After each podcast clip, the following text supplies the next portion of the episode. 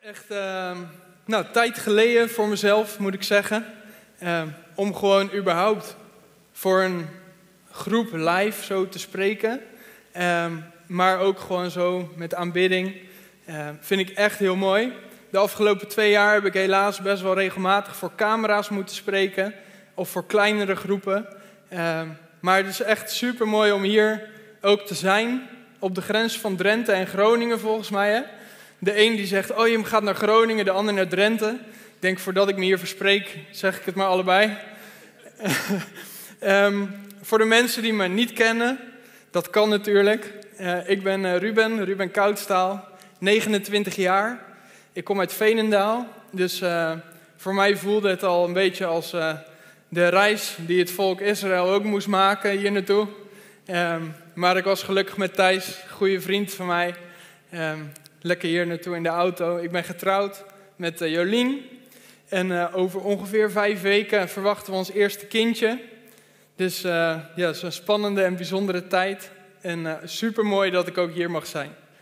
Hey, het thema Promised Land. Allereerst geloof ik, en dat vind ik ook zo mooi aan dit thema, dat het iets is, een belofte van God voor het volk Israël God die belooft aan het volk dat hij een, een beloofd land voor hen heeft. En vandaag de dag heeft God voor jou en mij ook een belofte. Een beloofd land. Een verlangen, een droom, een doel voor jouw leven. Ieder persoon, elk uniek mens, of dat je nou jong bent of volwassen, elk mens heeft een unieke droom een uniek verlangen van God gekregen. Zelfs al voordat jij bestond, heeft God een uniek plan met jouw leven in jou gelegd. Is bijzonder toch, om dat te weten. En sommige mensen die zeggen dan wel eens van ja, maar mijn ouders hebben ook wel eens tegen me gezegd dat ik misschien niet de bedoeling was. Of een ongelukje. Of Misschien ben je wel helemaal niet door je eigen ouders opgevoed. Omdat je, nou, misschien door je eigen ouders niet geliefd was op dat moment. Hoe verschrikkelijk. Hoe heftig als je dat dus al op zo'n jonge leeftijd mee hebt gekregen. Maar ook vanavond wil ik tegen je zeggen dat je geen ongelukje bent. Dat je geliefd bent en dat er een hele liefdevolle papa is in de hemel die een plan en een doel met jouw leven heeft. En als we het hebben over het Promised Land en de belofte, het doel op het leven van een persoon, wil ik vanavond ook met jullie kijken naar allereerst de persoon Mozes.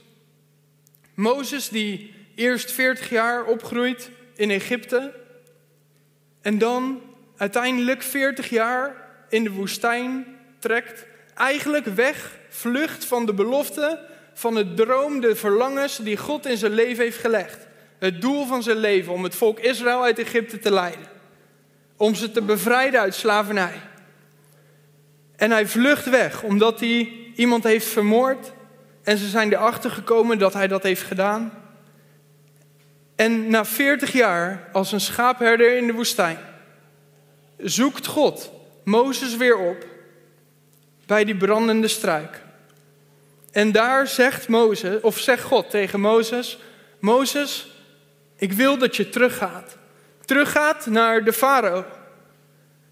En Mozes die zegt dan: Hoe dan? Hij doet het weer. Maar Heer, wat moet ik dan zeggen? En dan zegt God tegen Mozes: Ik zal met je zijn. Maar kunt u dan ook niet alstublieft iemand met me meenemen of met me meegeven waarmee ik het samen kan doen, want ik vind het toch wel spannend. En ook dat doet God. En dan neemt hij het volk mee naar dat beloofde land. En op een gegeven moment staat er in Numeri 13, vers 1 en 2.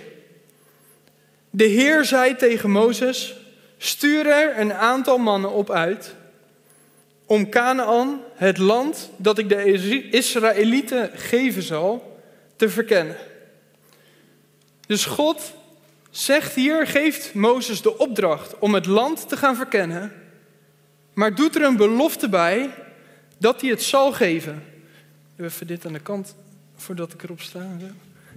Um, dus of God belooft Mozes dat hij het gaat geven. En Mozes wijst twaalf mannen uit, waaronder Jozua en Caleb. En deze mannen gaan veertig dagen naar het beloofde land. Om gewoon eens het land te verspieden. Om eens te kijken hoe het land eruit ziet. Hoe de grond is, hoe de stenen zijn, steden zijn, hoe de mensen eruit zien. En na veertig dagen komen ze terug. En dan is het Caleb die voor het volk staat en die tegen het volk zegt dat ze sterke steden hebben gezien. Grote, sterke steden. Met grote mensen, reuzen. Maar ze namen ook druiven mee. Een tros druiven die je met z'n tweeën moest tillen. Granaatappels, vijgen. Om te laten zien dat het een vruchtbaar land was. Jozua en Caleb, die zeggen, dit is hoe het land eruit ziet. En dit is wat God ons belooft. En dan heb je de andere tien. En die staan ook voor dat volk. En ook zij zeggen, we hebben sterke steden gezien. We hebben reuzen gezien. En in hun ogen zijn wij als sprinkhanen. Deze steden, deze mensen, als wij naar dat beloofde land gaan, wordt het ons einde. Zien we het verschil? Jozua en Caleb, die zeggen eigenlijk precies hetzelfde als de andere tien.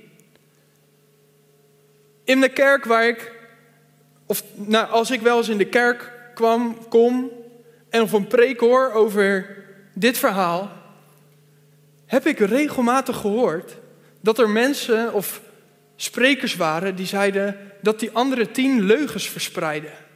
Of dat ze eigenlijk overdreven wat Jozua en Caleb zeiden. Maar toen ik dit las, dacht ik, maar ze zeggen eigenlijk precies hetzelfde. Het enige verschil is dat Jozua en Caleb zeggen: God heeft beloofd dat wij dit land krijgen. En de andere tien zeggen: Dit wordt onze dood. Ik weet niet hoe het in uw of in jouw leven is. Het is een jongerendienst, toch? Dus ik mag uh, jou en je zeggen. Uh, maar als ik naar mijn leven kijk, heb ik regelmatig dat ik een belofte van God ontvang. Of dat ik denk van, nou hier, ik ga deze kant op. En dat ik opeens overweldigd word door alles wat ik om me heen zie gebeuren. Zelfs als ik hier naartoe rijd, kan ik soms twijfelen aan mezelf. Kan ik bang worden. En zijn er reuzen die mij kunnen afhouden van de belofte die God doet. Dat hij tegen me zegt dat hij mij wil gebruiken. Maar kan het dus een stem zijn, of misschien wel een persoon, die tegen me kan zeggen: Maar Ruben, wat moet jij daar nou doen? En als ik me te veel op die stemmen, op die reuzen ga focussen, vergeet ik bijna de belofte die God heeft gedaan. Toen ik 16 was, ben ik zelf tot geloof gekomen. Ik ben opgevoed door een hele lieve papa en mama. Met twee lieve zusjes, zeg ik nu. Was niet altijd zo. Maar mijn ouders die gingen wel eens naar de kerk. En ik ben wel naar een christelijke basisschool geweest. Maar het was niet per se zo dat het geloof in hun leven echt centraal stond. En op mijn zestiende kwam ik tot geloof. En nou was ik echt razend enthousiast over Jezus. Ik wilde iedereen vertellen van wie Jezus was, van wat Hij voor jou en mij heeft gedaan. En op mijn negentiende, toen riep mijn moeder, die riep me uit mijn kamer. En toen zat ze op de zoldertrap. En ik ging naast haar op de zoldertrap zitten, want ik zag dat ze verdrietig was. En ik zat daar en toen vertelde ze me dat mijn papa een tumor had. Dat hij kanker had. En dat het op zijn gehoorzenuw zat, waardoor als hij geopereerd zou worden, er een grote kans zijn dat hij ook verlamd zou raken. En dat hij moeite zou hebben na de operatie, waarschijnlijk met zijn evenwicht. En mijn moeder vertelde dat. En het eerste wat ik dacht was: Nou, dan gaan we ervoor bidden. En dan komt mijn vader tot geloof. En mijn moeder ook. En mijn hele familie. Hoe mooi. Dus ik op internet gezocht waar er een keer een dienst was waar ze ook gingen bidden voor mensen die ziek waren. En dat was toevallig in Gouda. Ik woonde toen nog in Schoonhoven. Ehm, dus dat is vlakbij voor de mensen die Schoonhoven en Gouda kennen. Ehm, en ik ging daar met mijn vader naartoe. Het was een dienst van Jan Zelstra. Ik weet niet of dat jullie uh, Jan Zelstra kennen. Is inmiddels helaas overleden. Ehm, maar daar is er ook voor mijn vader gebeden. En ik dacht, nou, dat is top. Want er wordt gebeden en ik zit straks weer in de auto naast mijn vader en dan is hij gewoon weer gezond. Maar dat gebeurde niet. Mijn vader die kwam naar me toe en die zei tegen me, Ruud, ik heb er nog steeds last van. hij hoorde continu een piep in zijn oor. En toen zei hij daarna, maar ik heb vanavond wel iets ervaren. Alsof God tegen me zei dat ik er ook tijdens de operatie zal zijn. Maar alles wat mijn vader na het moment van ik heb er nog steeds last van tegen me zei, was alsof het langs me heen ging. Ik hoorde het wel, maar het, eigenlijk boeide het me niet. Want ik wilde gewoon dat hij weer gezond zou zijn. Want Heer, dit was toch uw kans? Herkennen we dat? Nee? Ja? Ik hou wel van een beetje interactie. Dus voel je vrij. En een paar maanden later ging mijn vader naar het ziekenhuis omdat hij geopereerd moest worden. En eigenlijk was dat pas het moment dat tot mij doordrong dat God hem echt niet had genezen. En dat hij echt geopereerd moest worden. En dat de kans groot was dat hij straks verlamd zou zijn. Want de woorden die mijn vader had gehoord, ik ben erbij tijdens de operatie, die was ik al lang vergeten. En zo is dat misschien ook wel geweest bij het volk Israël. Bij die tien. Die terugkwamen en voor dat volk stonden en al hun reuzen, al die reuzen in het beloofde land hadden gezien. Ze waren overweldigd door dat wat ze hadden gezien. In plaats van dat ze de belofte van God hadden onthouden. Maar gelukkig waren daar Jozua en Caleb. Die zelfs nog een keer voor het volk stonden en zeiden tegen heel de gemeenschap van de Israëlieten. Dit staat in Nummerie 14, vers 7 tot en met 9 voor de mensen die mee willen lezen. Ze zeiden tegen heel de gemeenschap van de Israëlieten: Het land waar wij doorgetrokken zijn, om het te verkennen, is een bijzonder goed land. Als de Heer ons genegen is, zal Hij ons in dat land brengen en zal Hij het ons geven. Een land dat overvloeit van melk en honing. Alleen, kom tegen de Heer niet in opstand en u wees niet bevreesd voor de bevolking van het land want zij zijn ons tot voedsel. Schaduw, hun schaduw is van hen geweken en de Heer is met ons. Wees niet bevreesd. Wat een woorden van Caleb die hier zegt, de Heer is met ons. En die reuzen die wij gezien hebben, die zullen ons tot voedsel zijn. Wat ik net zei. We kunnen soms zo overweldigd zijn van die reuzen, waardoor we de belofte van God, ook in mijn leven, soms vergeten.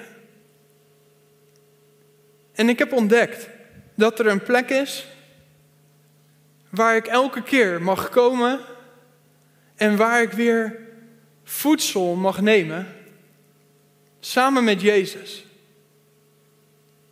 Kijk eens naar Psalm 23, vers 5, waar David zegt: U nodigt mij uit aan een tafel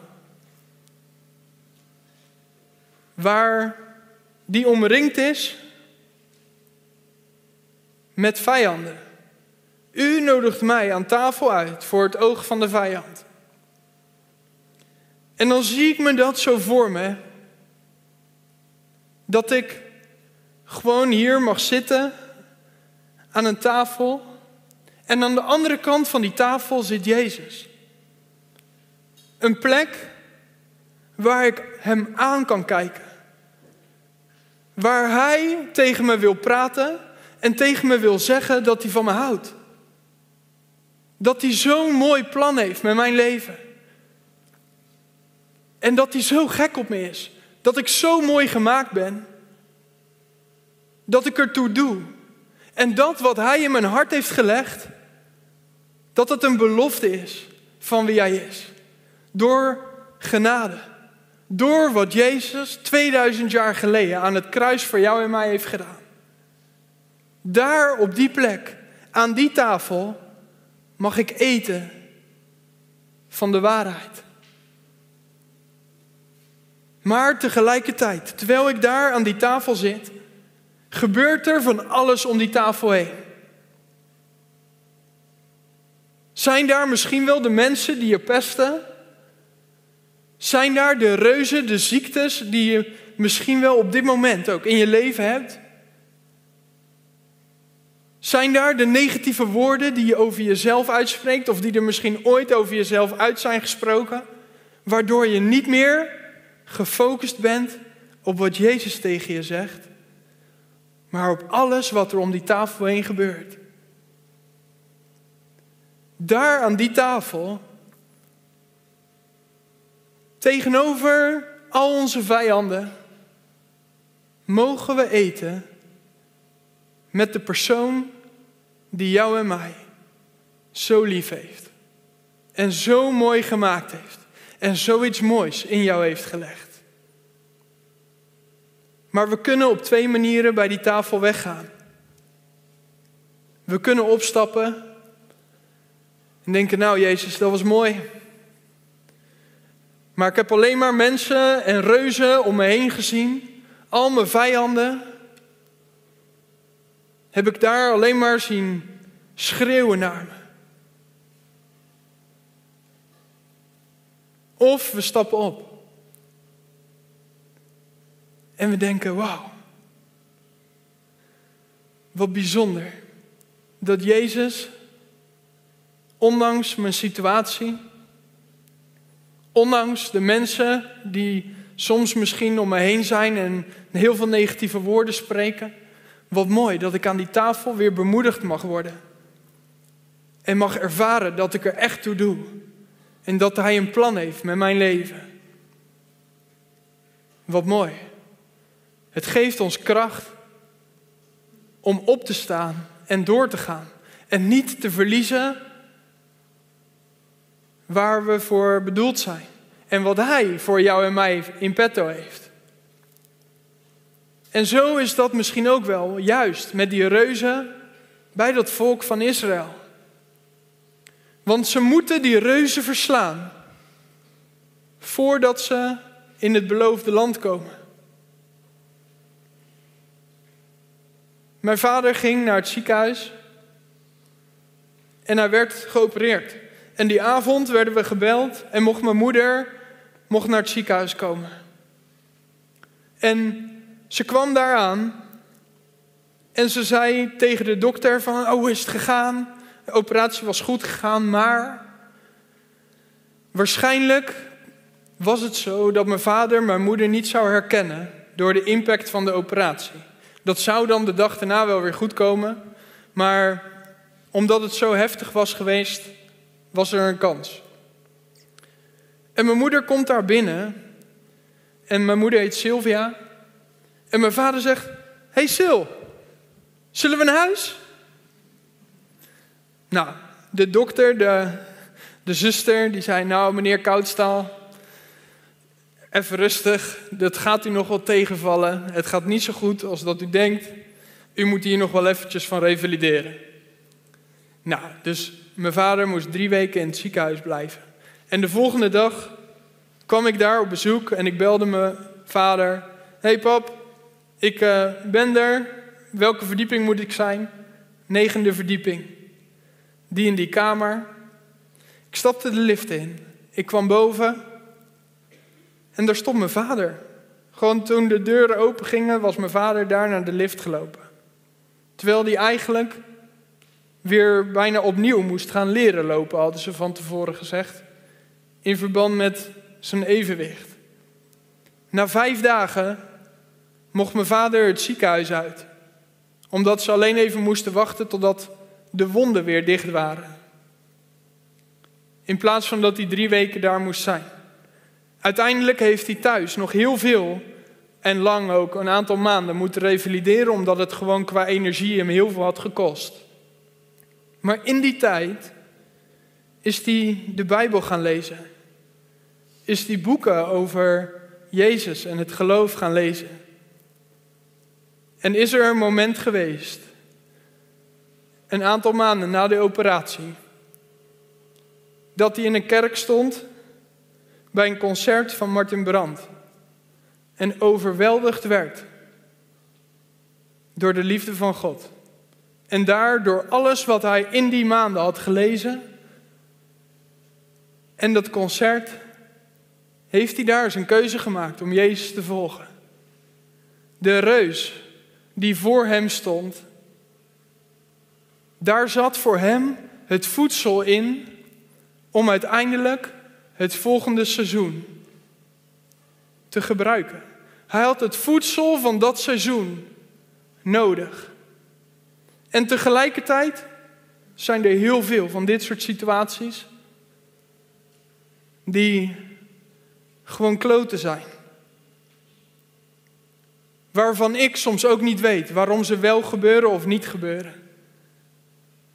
En heeft deze situatie er ook bij mij voor gezorgd dat ik het lastig vond om soms voor mensen die ziek waren te bidden.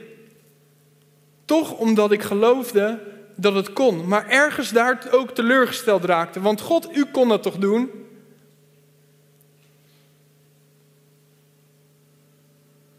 Maar mijn vader bleef altijd de woorden van God onthouden.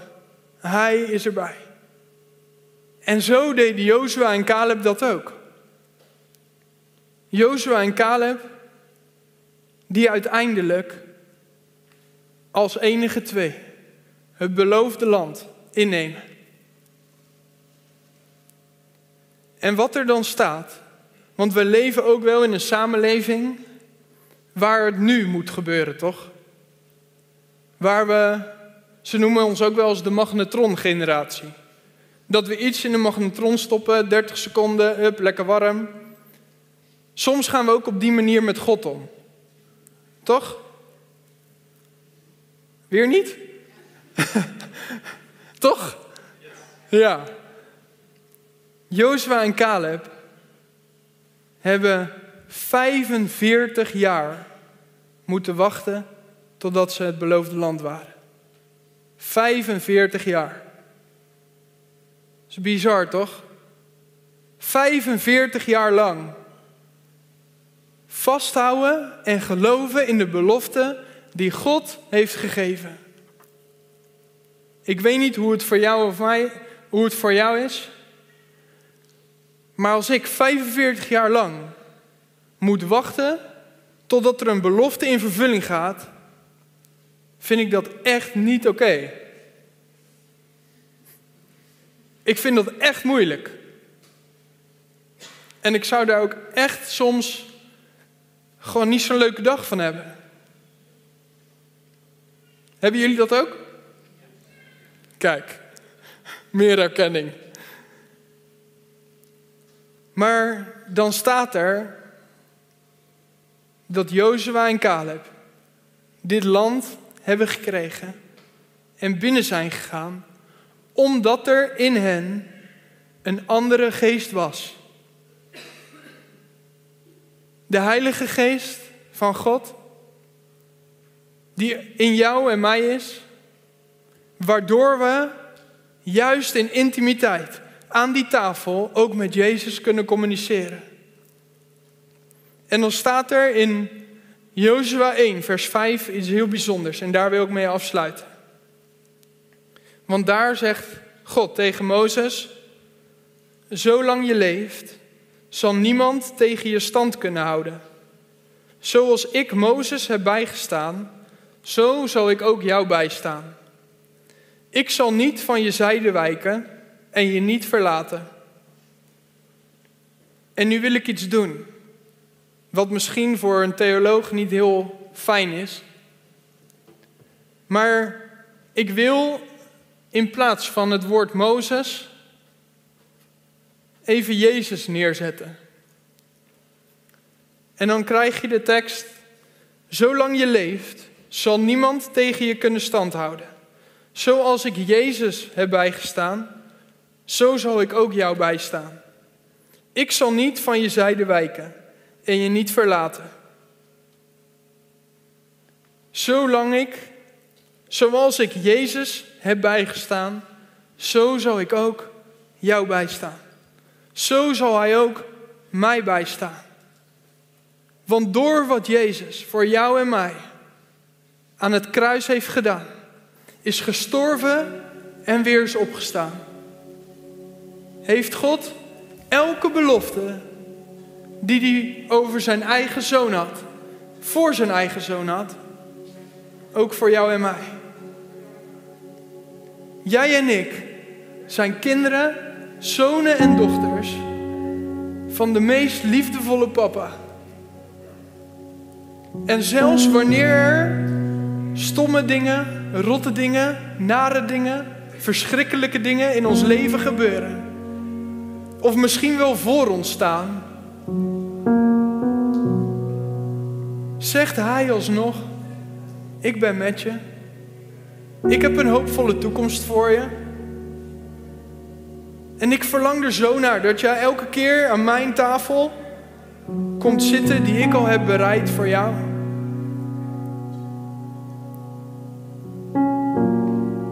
En het volk Israël,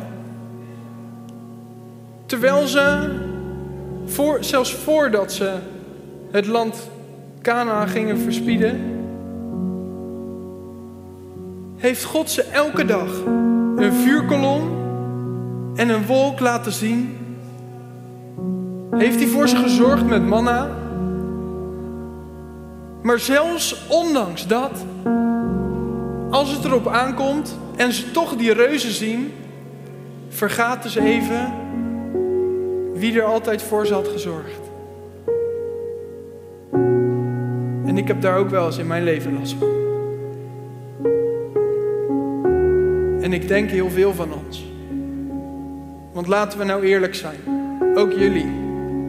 We kunnen hier heel mooi staan. We kunnen hier aanbidding leiden. Ik kan hier spreken. Maar ook mijn leven is echt niet perfect. Ook ik heb reuzen en ook ik maak hele domme fouten. Maar er is elke keer weer een keuze. Om door genade, door wat Jezus voor jou en mij heeft gedaan. Om tegen onze reuzen te zeggen: Jij reus, jij wordt mijn voedsel. Jij wordt mijn voedsel. In jou zit eten en de kracht en heel veel lessen die ik nodig heb voor het seizoen najaar. Want God heeft een hoopvolle toekomst voor. Ik wil aan jullie vragen of dat we eigenlijk gewoon allemaal willen gaan staan.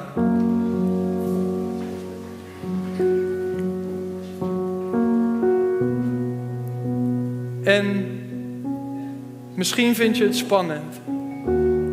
Maar ik denk dat we allemaal wel iets kunnen bedenken. Wat heel groot is voor ons. Wat ons soms afhoudt van waar we soms zo naar verlangen. Want we kunnen soms heel groot denken hè, over de droom en over de verlangens die God in ons legt. Maar ik geloof dat dat ook alleen al zit in ons karakter. Gewoon in wie we zijn. Wat houdt je misschien wel af van jezelf zijn? Want God heeft je zo mooi gemaakt.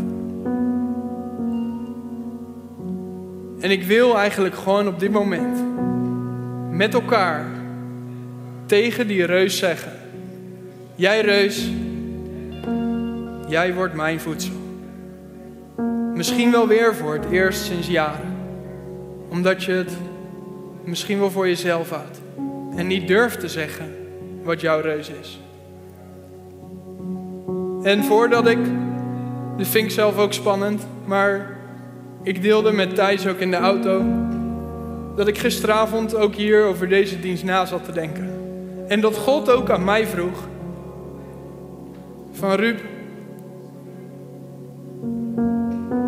mij is ook geroofd dat ik het spannend of eng vond om voor iemand te bidden die ergens last van had of die ziek was.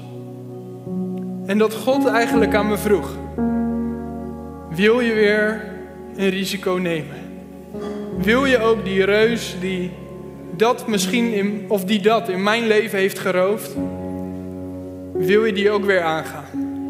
Dus ik wil eigenlijk straks aan je vragen dat als je hierover door wil praten, of als je hier gebed voor wil hebben, of dat je gewoon, nou, terwijl we een nummer aan het zingen zijn, naar achteren wil lopen, daar staat het nazorgteam. Maar als je lichamelijk ergens pijn hebt, of je bent ziek, wil ik ook aan je vragen of je daar naartoe wil lopen. Want ik wil de strijd met die reus aangaan.